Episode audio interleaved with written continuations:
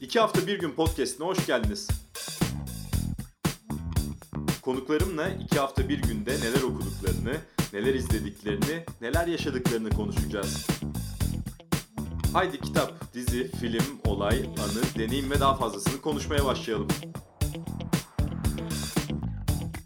İki hafta bir günün yeni programında çok değerli bir konuğum var. Türkiye'ye basketbolu sevdiren e, kişilerden biri hatta önde gelenlerden biri Kaan Kural. Kaan abi hoş geldin. Hoş bulduk. Öncelikle estağfurullah. Sevdiren demeyelim de biraz rehberlik yapmaya çalışan diyelim.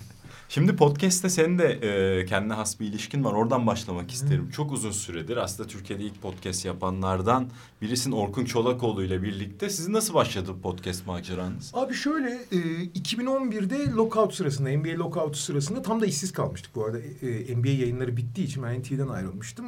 NBA ne zaman başlayacak çok merak ediyoruz falan filan. Ee, sürekli aramızda sohbetler yapıyoruz. Ne olacak, ne bitecek. Tam o sırada da işte dünyada da podcastler yavaş yavaş öne çıkıyor.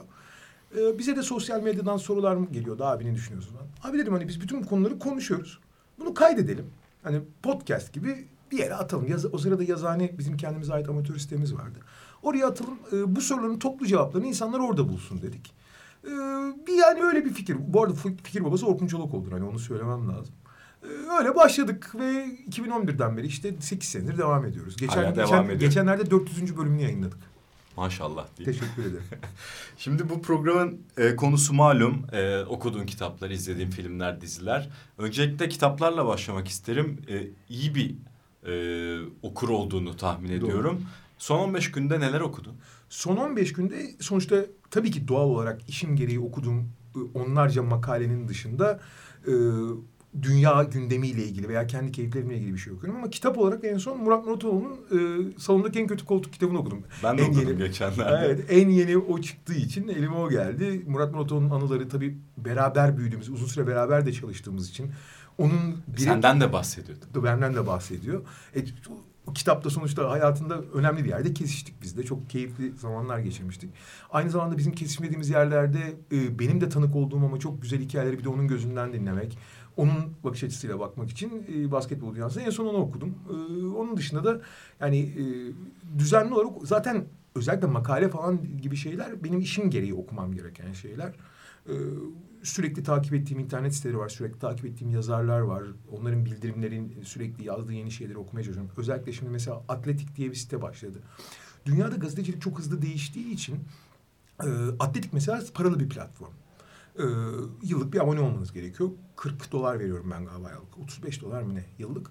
Ama yani muazzam bir içerik üretiyorlar. Ee, gerçekten yani e, helal olsun deyip hani iki, üç katını isteseler de gayet rahat e, e, tabii ki bütçem el verdiği sürece gönül rahatlığıyla veririm. Orada mesela öyle bir yüksek içerik üretiliyor ki pek çok şeyi okuyamadığım için kendi kendime kızıyorum. Yani günde iki, iki buçuk saatimi işte atletik olsun. Tabii ki doğal olarak normal e, daha parasız ve genel platformlar Ringer olsun.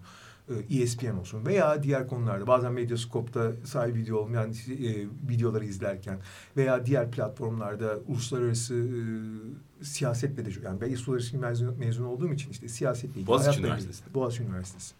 E, siyasetle ilgili veya sinema veya diğer ilgi alanlarımla ilgili makaleleri okumaya çalışıyorum. İlgi Kitap alanları hayli geniş tabii. Ee, tekrar geleceğim oraya. Gelmeden Murat Muratanoğlu'nun kitabında ben e, kapı gördüğümde çok şaşırmıştım. Salondaki en kötü koltuk derken. Sonra Yiğiter Ulu da bunu uzun uzun anlatıyor ne demek istediğini Murat Muratanoğlu da. Gerçekten öyle midir? Şimdi sen bir spor yorumcusun. Gerçekten o koltuk kötü ve zor bir koltuk mudur? Çünkü biz dışarıdan bakınca hep en iyi koltuk olduğunu düşünüyoruz. Şöyle maçı izlemek açısından iyi. Sadece maçı izliyor olsak yani yorumlamıyorsak süper koltuk yani. Olabilecek en iyi koltuklardan biri de konu zaten aslında e, biraz tabii mecaz olduğu için salondaki en zor görev, en zor da demeyelim şimdi. Hakemlerin falan işi daha zor. Yani kendimizi de çok e, şeyden saymayalım, e, nimetten saymayalım ama... doğal olarak bir maçı izlemekten çok daha zor. Çünkü e, hitap ettiğin kitleyi belli şekilde etkileyebiliyorsun yaptığın işte. E, çok ciddi hassasiyetler özellikle son yıllarda daha da artmış durumda. Ben işte son iki senedir tekrar basketbol Türkiye Süper Ligi anlatıyorum. Yani İNG Basketbol Ligi'ni anlatıyorum. Daha önce anlattığımdan daha zor olduğunu görmeye başladım ki hani ben daha tecrübelenmiş olmama rağmen e, biraz daha zor olduğunu görüyorum. İnsanların hassasiyetleri çok artmış durumda. E, herkes doğal olarak sürekli bir öküz altında buzu arama hikayesi var. Her şey bir tarafa hani bunları bir tarafa bırak e, dışarıdan gelen etkileri. Bunları mümkün olduğunca bloke etmeye, e, dışarıda bırakmaya çalışıyorsun ama ne olursa olsun orada senin söylediğin her şey e, bir takım insanları etkiliyor. Oyuncuların algısını, hakemlerin algısını, oyunun algısını. Ama benim hep inandığım bir şey vardır. sonuçta bir işi yapıyorsan onu en iyi şekilde aktarman gerekir. Bunu illa iyi göstermek zorunda değilsin. Ama doğru bir e, insan yani seyreden insanları buna zaman ayıran insanları tatmin edecek şekilde aktarman gerekir. Ve benim hep bir felsefem vardı. Yani güzel olan şeyleri iyi anlat, kötü olan şeylerden bahset, saklama. Çünkü insanlar aptal değil. Ama çirkin şeyleri mümkün olduğunca e, göz ardı etmeye çalış ve daha başka yöntemlerle onlarla mücadele. Yani maç sonrası bunu konuş, işte bireysel bunlardan uzaklaşmaya çalış diye. E, çok yani öyle dünyanın en zor işi falan değil elbette ki ama e, zor olduğu ve salonun aslında dertli koltuklarından biri olduğu da kesin yani. en azından. Ee, şimdi o başa tekrar dönmek istiyorum. Ee, şimdi biz Kaan Kural dediğimiz zaman e, herhangi bir maçı anlatırken ben Kaan Kural'ı dinlerken sadece basketboldan bahsetmiyorsun aslında. o iş başka yerlere gidiyor ve biz başka başka konularda da bilgilenmiş oluyoruz. Bu da belli bir okumanın sonucunda olabilecek bir şey. Ee, evet basketboldan başlıyordur bence senin tahminim o okuma listelerinin ama nerelere kadar uzanır? Nerelere kadar uzanır? Aslında e, doğal olarak iyi yazılmış her şey e, çünkü yazarlık denen şeyin iki boyutu var. Bunu benim hani hocam Yiğit Erolu ilk söylemişti bana. Sonra zaman içinde kendim de hani tecrübe ederek gördüm. Mesela spor yazarlığı diyorsun. Aslında spor yazarlığı denen şey sırf spor değildir. Ama sırf yazarlık da değildir. Ama yazarlık özellikle alanı ne olursa olsun, öneki ne olursa olsun e, iyi yazmayı ve iyi aktarmayı getirir. O yüzden iyi yazılmış her şeyi çok ilgi alanıma girmese bile okumayı çok tercih ediyorum. Ama doğal olarak insan hani her şeye zaman ayıramayacağı için veya içi, yaratılmış bütün içeriklere e, ulaşamayacağı için hem zaman açısından hem belki imkanlar açısından hem belki de te tecrübe açısından çünkü doğru içeriği bulmak da çok kolay değil. Artık eski günümüzde de daha kolay ama içerik sayısı da arttığı için bayağı büyük bir şey var. Genelde ilgi alanlarımı e, takip etmeye çalışıyorum. İşte seyahat, şey mesela e, çok seyahat ettim iş sayesinde. Ama aynı zamanda seyahat blogları okumayı tercih ediyorum. İyi yazılmış blogları. Ee, sinema ile ilgili öyle ya da böyle hafta içinde en az bir ya da iki tane şey okumaya çalışıyorum. Sinemayı gitsem de seyretsem de artık bir de e, sadece sinema diye sınırlandırmamak lazım herhalde. Hani online platformlar Netflix artık iyiden iyiye sinemanın alternatifi demeyeceğim hatta bir ikinci kolu gibi oldu ki pek çok artık prodüksiyonu Netflix kendi üretiyor ki yakın zamanda Disney'in platformu çıktıktan sonra Disney de benzer bir yola giriyor artık. Amazon keza öyle. E, onlardan işte hangi içerikler bana hitap eder, hangi içerikler benim hayatıma renk katar onları takip etmeye çalışıyorum. Aynı zamanda daha bilmediğim ama ilgilendiğim konularda bilgi. Bazılarında e, detaylı bilgi yani bildiğim bir konu hakkında daha detay ve benden daha hakim insanların resmi berraklaştırmasını istiyorum. Ki e, basketbol severleri de ben mesela benzerlerini yapmaya çalışıyorum elimden geldiğince. Bazı konularda da tamamen bilgi almak için. Mesela atıyorum e, bir siyasi makale okuyacaksam hani çok bilgim olmayan konuda çok ama bilgisine güvendiğim bunu iyi aktarabilip işte yazarlık bölümü orada çok önemli. Bunu iyi aktarabilip bana gerçekten bir pencere açabiliyor mu? Sonuçta fikirle bilgi arasındaki en önemli farklardan biri o. Hepsinin aktarımı çok önemli bu arada. Yanlış anlaşılmasın. Yani yazarlık tarafı hepsinde çok önemli. İyi aktarabilmek, derdini iyi anlatabilmek. Fakat biri sana e, temel bilgileri e, iyi bir filtreden geçirmiş olarak ve e, doğal olarak objektif bir geçirmiş olarak böyle. Diğeri sana o bilgilerle başka pencereler açıyor. Aa bir işin bir de bu tarafı var diyorsun mesela. Aa şimdi ne olacak? Mesela atıyorum Medyaskop'un ilgi alanı işte Suriye meselesi. Oradan mesela Esat'ın gözünden bakan bir bakıyor. Aa falan diyorsun mesela. Hani aa bir de bu, bu tarafı var. Ee, herhangi bir yazının bana pe, bir, bir pencere açmasını, başka bir açı göstermesini ben çok seviyorum açıkçası. Mesela en son Joker'e gittim. Bir taraftan çok beğendim, bir taraftan bir şeyler rahatsız etti beni. Tabii ki benim de kendi fikirlerim var. Ee, ben mesela biraz fazla şey olduğunu düşünüyorum. Yani çizgi roman dünyasının şu ana kadar yapıldığı e, çizgiden çok çıkmaya çalışmışlar. Güzel de bir şey yapmışlar ama bence biraz fazla şey olmuş. E, Ağdalı demeyeceğim ben de. Ben şunu düşün mesela Joaquin Phoenix olmasaydı ve bu, bu bir Hollywood filmi olmasaydı Gayet bunun bağımsız bir Fransız filmi olacağını falan düşünürdük. Bence diye. ama işte orada biraz sosu fazla mı kaçırmışlar falan diye düşündüm. Ama bununla ilgili bir iki yazı okuyunca bana çok daha iyi şeyler aktardı. Ve e, filmin tamamen Joaquin Phoenix'in e, duygu aktarımı üzerine kurulmuş bir kurgu olduğunu, bir insanın değişimi ve yani toplumun ve e, düzenin insan üzerindeki etkileri üzerine işlenmiş. Aslında daha çok biraz sosyolojik, psikolojik bir film olduğunu. Yani bir süper kahraman filmi zaten değil ama e, oraya daha odaklandığını falan gösterdi. Yani o açıdan bakınca e, doğal olarak Joker kafamızda bir sürü Joker var. Jack Nicholson var, işte şey var, Heath Ledger var tabii doğal olarak. Ama bunlarla kıyaslamamak gerektiğini, başka bir yerde durduğunu falan söyleyen yazılar var. Ha bunları kendim de bil, yani atıyorum. Ben bunları hiç okumamış olsam ben sana sorsam sohbetin içinde söyleyebilirim ama bunları çok güzel bir kurguyla, çok net bir şekilde anlattığı zaman senin kafanda da dolaşan onlarca fikir bir anda aa tamam bu buraya oturdu. Bu cümleyle ben de böyle ifade etmeliyim falan diyebiliyorsun. Her alanda geçerli. Hem keyif alıyor insan hem Tabii, de filmle ilişkisini daha uzun süre e, sürdürmüş oluyor Abi, bence. Kendi beynini de derleyip, yani kendi fikirlerini derleyip toparlıyorsun. Yani kafanda 50 bin tane fikir var. Ee, bazı insanlar çok yetenekli oluyor ve onları çok güzel e, kurgulayabiliyor ve çok güzel yerleştirebiliyorlar. Çekmecelere koyarmış. Aynen. Ee, biz e, en azından pek çoğu insan gibi ben de çoğu zaman dağınık kalıyor. Benim yerime çekmeceleri koyduğu zaman otomatikman bizim benim de çekmecelerime yerleşmiş oluyor bazı şeyler. Şimdi son iki hafta bir günde neler izlediğini soracaktım. Ben sormadan sen söylemiş oldun. Filmlerden biri Joker. Joker. E, diziler var mı? Var var. Neler var? Var. Ee, son dönemde ne izledim? Şey, e, Punisher'ın ikinci sezonunu seyrettim. İlk sezonunu çok sevmiştim. Ben çok severim Punisher'ı zaten. Ama ikinci sezon ilk sezonki kadar e, kötü demeyeceğim yanlış anlaşılmasın ama ilk sezonun verdiği tadı çok vermedi. Belki hani ilk sezondaki o keyfi aldıktan sonra biraz doydum mu bilmiyorum. Ee, Punisher'ın ikinci sezonunu seyrettim. Ondan önce şeyi seyrettim bu arada. Çok uzun süredir erteliyordum. Ee, niye ertelediğimi de bilmiyorum ama herhalde zaman bulamadım ya da ne bileyim hani bir arada seyredeyim. Belki de şeydi. Bazı diziler oluyor ya. Bir şey bekliyorsun ama onu kesin karşılamaz bu ve beni çok üzecek. O yüzden dursun abi diyorsun. Altered Carbon'u izledim. Bu ben çünkü çok ciddi bir şey e, Cyberpunk hay, hayran demeyeyim de Cyberpunk'ı çok seviyorum ama Cyberpunk'ın iyi aktarılım yani Cyberpunk'ın iyi aktarılması lazım ve iyi bir dünyaya. Yani çünkü o dünyadaki e, en ufak bir problem oradaki büyüyü bozuyor. Cyberpunk çünkü başka bambaşka bir dünya ve onun yaratılması için çok ciddi bir sanat yönetmenliği, çok ciddi bir genel e, görüntü yönetmenliği vesaire lazım. Yani oyunculuk ve yönetmen ve senarist belki de bir yapıtın temel taşları. Ama eğer bir cyberpunk şeyi çekiyorsan oradaki sanat yönetmeni ve görüntü yönetmeninin önemi belki de olduğundan üç kat falan artıyor. Ve bundan çok endişe ediyordum şahsen. Ama seyrettim gördüm ki ya, harika bir iş çıkarılmış ya. Yani e, bir cyberpunk evreni ancak bu kadar güzel yaratılabilir yani. E, hikaye de gayet iyiydi. E, şimdi ikinci sezonu geliyorum zaten. İkinci sezonu gelmeden seyredeyim diye hani seyretmeyecektim. Hala bekledim. E, eklemeyeyim, izlemeyeyim falan diye. Seyrettim ve çok beğendim yani. Çok çok hoşuma gitti yani. Peki e, hala sinemaya giden biri misin? Gidiyorum ya. Eskisi kadar değil ama tabii. Ee, Amiyane tabii Netflix'e gelmesini bekliyorum değil mi de?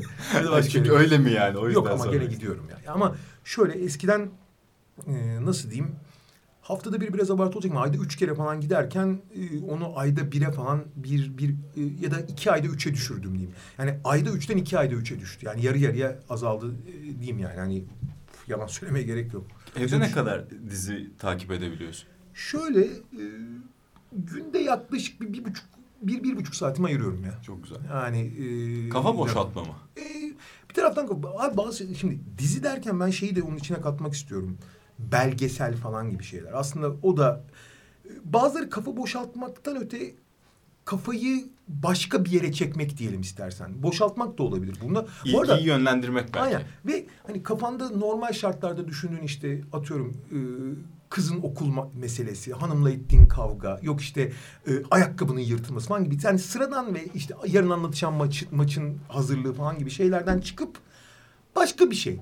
Çok boş da olabilir anlatabiliyor muyum? Saçma sapan bir magazin programı da seyredebilirsin. Tamamen hani reset atmak için yani şey gibi bir alkol almak gibi falan yani. yani ama ya da işte atıyorum e, sıra dışı bir kayayı seyrediyorsun şey Netflix'te ya da başka bir belgesel seyrediyorsun ya da ne bileyim bir e, İkinci Dünya Savaşı belgeseli seyrediyorsun. O da başka türlü Asla aynı- yüzeysel değil aslında. Değil ama başka türlü aynı etkiyi yaratıyor. Yani bütün o düşündüğün şeyleri bir kenara koyup Başka bir şeyle ilgileniyorsun. Ya hiç ilgilenmiyorsun ya da ilgileniyorsun. Aa işte o, ulan işte e, şey nasıldı söyledim. Erwin Rommel mesela bir tane geçenlerde izledim işte. E, Erwin Rommel'i hani çok e, bilirim de onunla ilgili tamamen işte e, Kuzey Afrika Afrikan Korpusu'nun ana hikayesi ondan bir belgesel seyrettim falan. Aa ne güzel ne ilginç falan filan diye seyrediyorsun yani ve tamamen başka bir şey düşün. Ama bir taraftan bilgi de alıyorsun. Boşaltmak değil bu doldurmak ama doldururken diğer tarafları baskı altına alıyorsun yani. Ve popüler dizileri izler misin Game of Thrones gibi? Tabii ki. Yani benim için hani e, illa popüler olsun olmasın değil. Ee, ama şöyle söyleyeyim.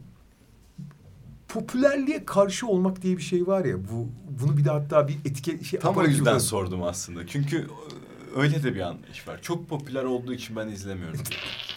ya bana herkesin kendi ülkesi. Evet. Bana saçma geliyor abi. Yani çünkü öyle ya da böyle popüler olmuşsa bir şey bunun altında bir sebep vardı. Ben mesela zamanında hiç seyretmiyordum şeyi e, Kurtlar Vadisi'ni. Lan bakıyorum ülkenin yarısına yakını seyrediyor. Merak edip izledim. Dört bölüm, beş bölüm izledim. İlgimi çekmedi. Olabilir. Yani olabilir. Ama insanların niye ilgilendiğini... Ne anladın ama. Anladım yani. Ve hani belli bir oranda saygı duydum. Eyvallah abi yani bunu istiyorsanız tabii ki tüketin. Yani aynı şey Recep İvedik için de geçerli ama bana hiç hitap etmiyor. Kaba komedi deniyor ona. Kaba komedinin kötü stili ama. Yani mesela şey de Jim Carrey de kaba komediler çekiyor işte Dumb and Dumber'lar falan. Ama onlarla bunun arasında bir şey var. Biraz zeka olsun. Nitelik farkı var. Bu benim beklentim. Başkasının beklentisine bir şey diyemem ben. Ama diğer taraftan özellikle dünya çapında belli bir şekilde popüler olmuş ıı, dizilerin Abi popüler olmasının çok ciddi sebepleri var. Ve e, bu sebeplerin bir kısmı sana hiçbiri sana hitap etmiyor olabilir ama popüler oldu diye bir şey kötü olmaz. Bunu anlamak lazım yani. Hani bunu çok net anlamak lazım. O şey gibi yani popüler oldu diye izlemiyorum demek hani abi herkes seyrediyorsa o zayıftır demek gibi bir şey. Yok öyle bir şey abi. Dünyada mesela Game of Thrones bence çok en azından ilk beş ilk üç sezonu itibariyle mükemmel. ilk beş sezonu itibariyle çok çok güzel.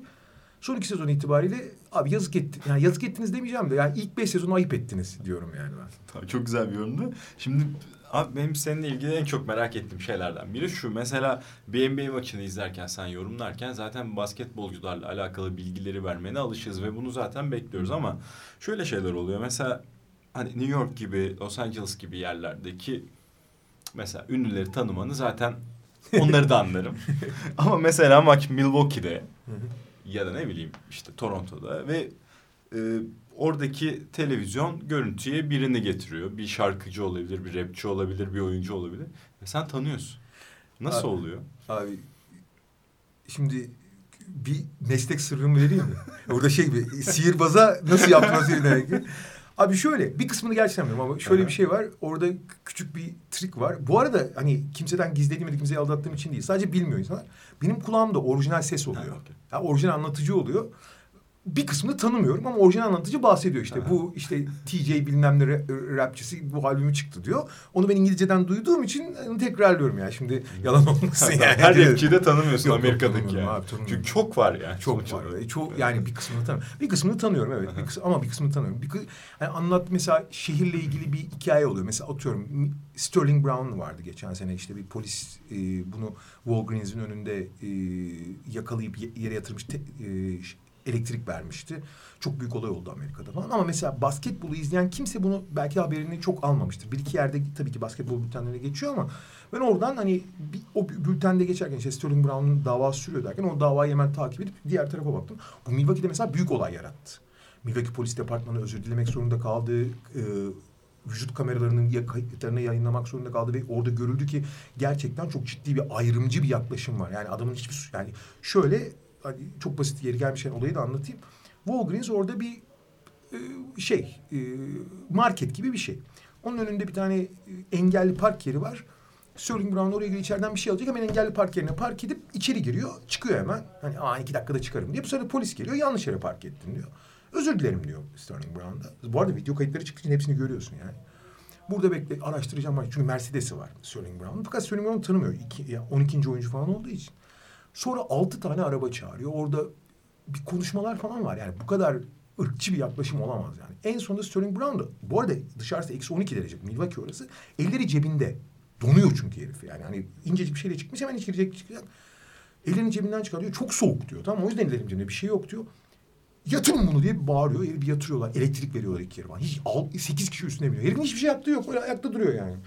Mesela bu sonra büyük hikaye oldu. Hani onu takip ettim. Ondan bahsedebiliyorum yani. Hani e, genel olarak takip ettiğim şeylerden bazen gündem oluyor. Ondan bahsediyorum ama tabii yayınlarda şey yapmamak lazım. Hani bunun dozunu kaçırmamak lazım. As, e, benim hep söylediğim bir şey vardır. Maçın asla önüne geçmemek lazım. Bazen maçın kendisinin tadı eksik olabiliyor. Çok, çok da normal. Bazı maçlar hakikaten kötü olur. O zaman ama hem kendimi hem de izleyenleri eğlendirmek için biraz daha başka hikayelerden, biraz daha o hani maçta olmayan şeylerin Evet. de aslında Evet. eğlenceli olabileceğinden falan bahsedebiliyorum ama dediğim gibi dozunu kaçırmamak. Bunun maç temposu belirliyor yani. Tabii tabii tabii. Bazen sadece maçtan bahsediyorum. Evet. Hiç ya öyle bir maç oluyor. Hele playoff'ta falan hiçbir şey anlatmaya Evet. gerek yok. Öyle bir maç oluyor ki bırak abi onlar zaten sen şeysin abi. Bunu asla unutmamak lazım. Ben rehberim abi. Efes Antik abilerine gittiğim zaman ya da mesela Ayasofya'yı gezdiriyorum sana. Ayasofya'nın kendisi görkemli tamam mı? Sen orada başrol olmaya çıkmana gerek. Ama ben- sana şey diyorsam işte bu kubbenin çapı 37 metre. O zamana kadar yani 13. yüzyılda bu e, şeye kilise yapılana kadar en büyük kubbe 17 metreydi.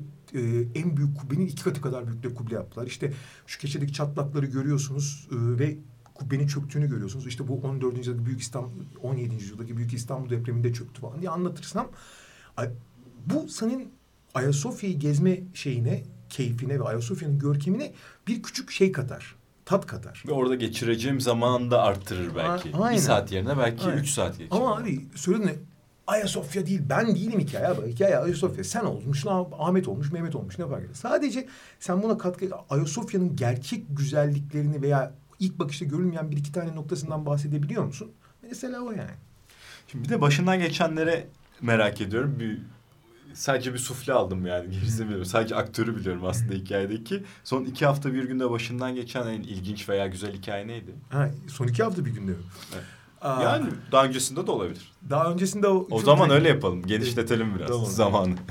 Ya şöyle benim e, hayatımda yaşadığım en dramatik hikayelerden biri şeydi. E, e, Musa Çözen vardır ünlü e, yönetmen. E, kendisi biraz argo konuşmayı sever. Bir gün e, Kitapta da vardı değil mi? Şeyde- var var tabii. Murat Muratanoğlu İşte kitabında Musa- da Musa- onun küfürlü konuşma. Musa Çözen son 20 yıldaki spor dünyasındaki en önemli aktörlerden biridir yani. Fakat şimdi bazı insanlar vardır onlar küfür küfür değil ünlem olarak kullanırlar onu. Yani Musa abiyle de biraz tanışırsan hani küfür bir eder ama- noktalama işareti. Tabii tabii tabii. Yani küfür ettiğini anlamıyoruz çünkü küfür onun için bir şey. E, hitabe, hitap yöntemi ve hiç o kadar doğallaşmış ki ağzında hiç, hiç rahatsız da olmuyorsun. Mesela kameramanlar konuşuyor. Seninle konuşurken de hep öyle yapıyor. Neyse bir gün o zaman Euroleague anlatıyoruz. E, Melih Gümüşkuşak'la birlikte. E, maça devre şey e, mola oldu.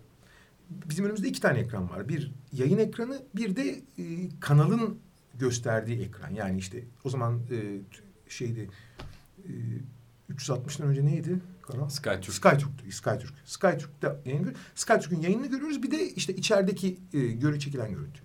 Çeki, Skytürk reklama girdi. Reklama girdikten sonra Musa abi sağda solda muhabbet ediyor. İşte şey e, bizim kulağımıza da konuşuyor. Normalde konuşmuyor. Çünkü maç anlatırken konuşursa dikkatimiz dağılır. İşte kameraman dansçı kızlar çıktı işte. E, pompon kızlar işte. e, şunlara biraz zoom yap ya biraz çekelim elimizde stok bulunsun falan filan diyor tamam mı? Oo tabii sürekli küfür konuşuyor. Ben burada konuşamıyorum onun gibi de beceremem yani. Neyse bir tane aa zoom yap zoom yap. Ya süper. Kaan neymiş bunlar ya falan diyor. Tamam, ben de gülüyorum tabii. Hani ben. Bir tane oo bu kızın saçları harikaymış diyor falan tamam? E, zoom yap lan şuna falan filan diyor. Küfür ederek falan bağırıyor. Ben de biz de gülüyoruz Melih'le falan filan. Demet abi o kızın ismi falan filan dedim ben tamam mı? O da vay bu Demet neymiş falan. Melih de gülüyor falan. Ya o kız gerçekten çok güzel kız da bu sene senin başı galiba. Bu sene bir şey olmuş hani şey söyle adını e, bir şey olmuş. Bir tuhaf geldi bana dedim. Daha güzel kızdı falan filan dedim. Yaşlanıyor. Maş, Melih de yaşlanıyor, yaşlanıyor falan filan dedi. Bu arada Musa Ali abi de e, yaşlanıyor mu artık ne yapıyor bilmiyorum ama hala çok iyi falan filan diyor. Abi ne yaşlanması kız 20, 22 yaşında sen kendi yaşına bak falan filan diyorum. Neyse böyle bir muhabbet dönüyor. Çok da abartılı değil. Fakat neyse mola bitti geri döndük. E, maçı anlattık. Gece saat 2. Eve gittim gece saat 2 falan. Telefon çalıyor. Ee, şey e, Efes'teki halkla ilişkileri yapan şirketten benim de tanıdığım bir abi ne yaptınız ya falan dedi tamam. Ne oldu dedim. Gece maçın tekrarı var. maçın tekrarını uydudan uyduya giden ham görüntüyü tamamen alarak molaları kesmeyerek vermişler. Canlı yayında bir sıkıntı yok. Canlı yayında hiçbir sıkıntı yok. Fakat gece tekrarında molalardaki bölümü de aldıkları için, çekimleri de aldıkları için bizim konuşmalar. Fakat şöyle bir şey var. Musa abinin konuşmaları bize geldiği için onlar yayına gitmiyor. Bizim konuşmalar yayına gidiyor. Sadece kopuk kopuk şeyler var böyle. Bir gülüşme var. Yok abi öyle değildir. Böyle bir boşluk var falan filan böyle yaşlanmış yaşlanmış falan filan diyorsun. Neyse Allah'tan çok e, dramatik şeyler söylemedik de e, oradan yırtmıştık yani. Muhteşem. Aynen öyle. Ve Kaan abi çok teşekkür ediyorum. demek, İyi ki geldin. Ben Çok teşekkür ederim. e, güzel bir sohbet oldu. Çok çok, sağ ol. teşekkür ederim. Çok nazik.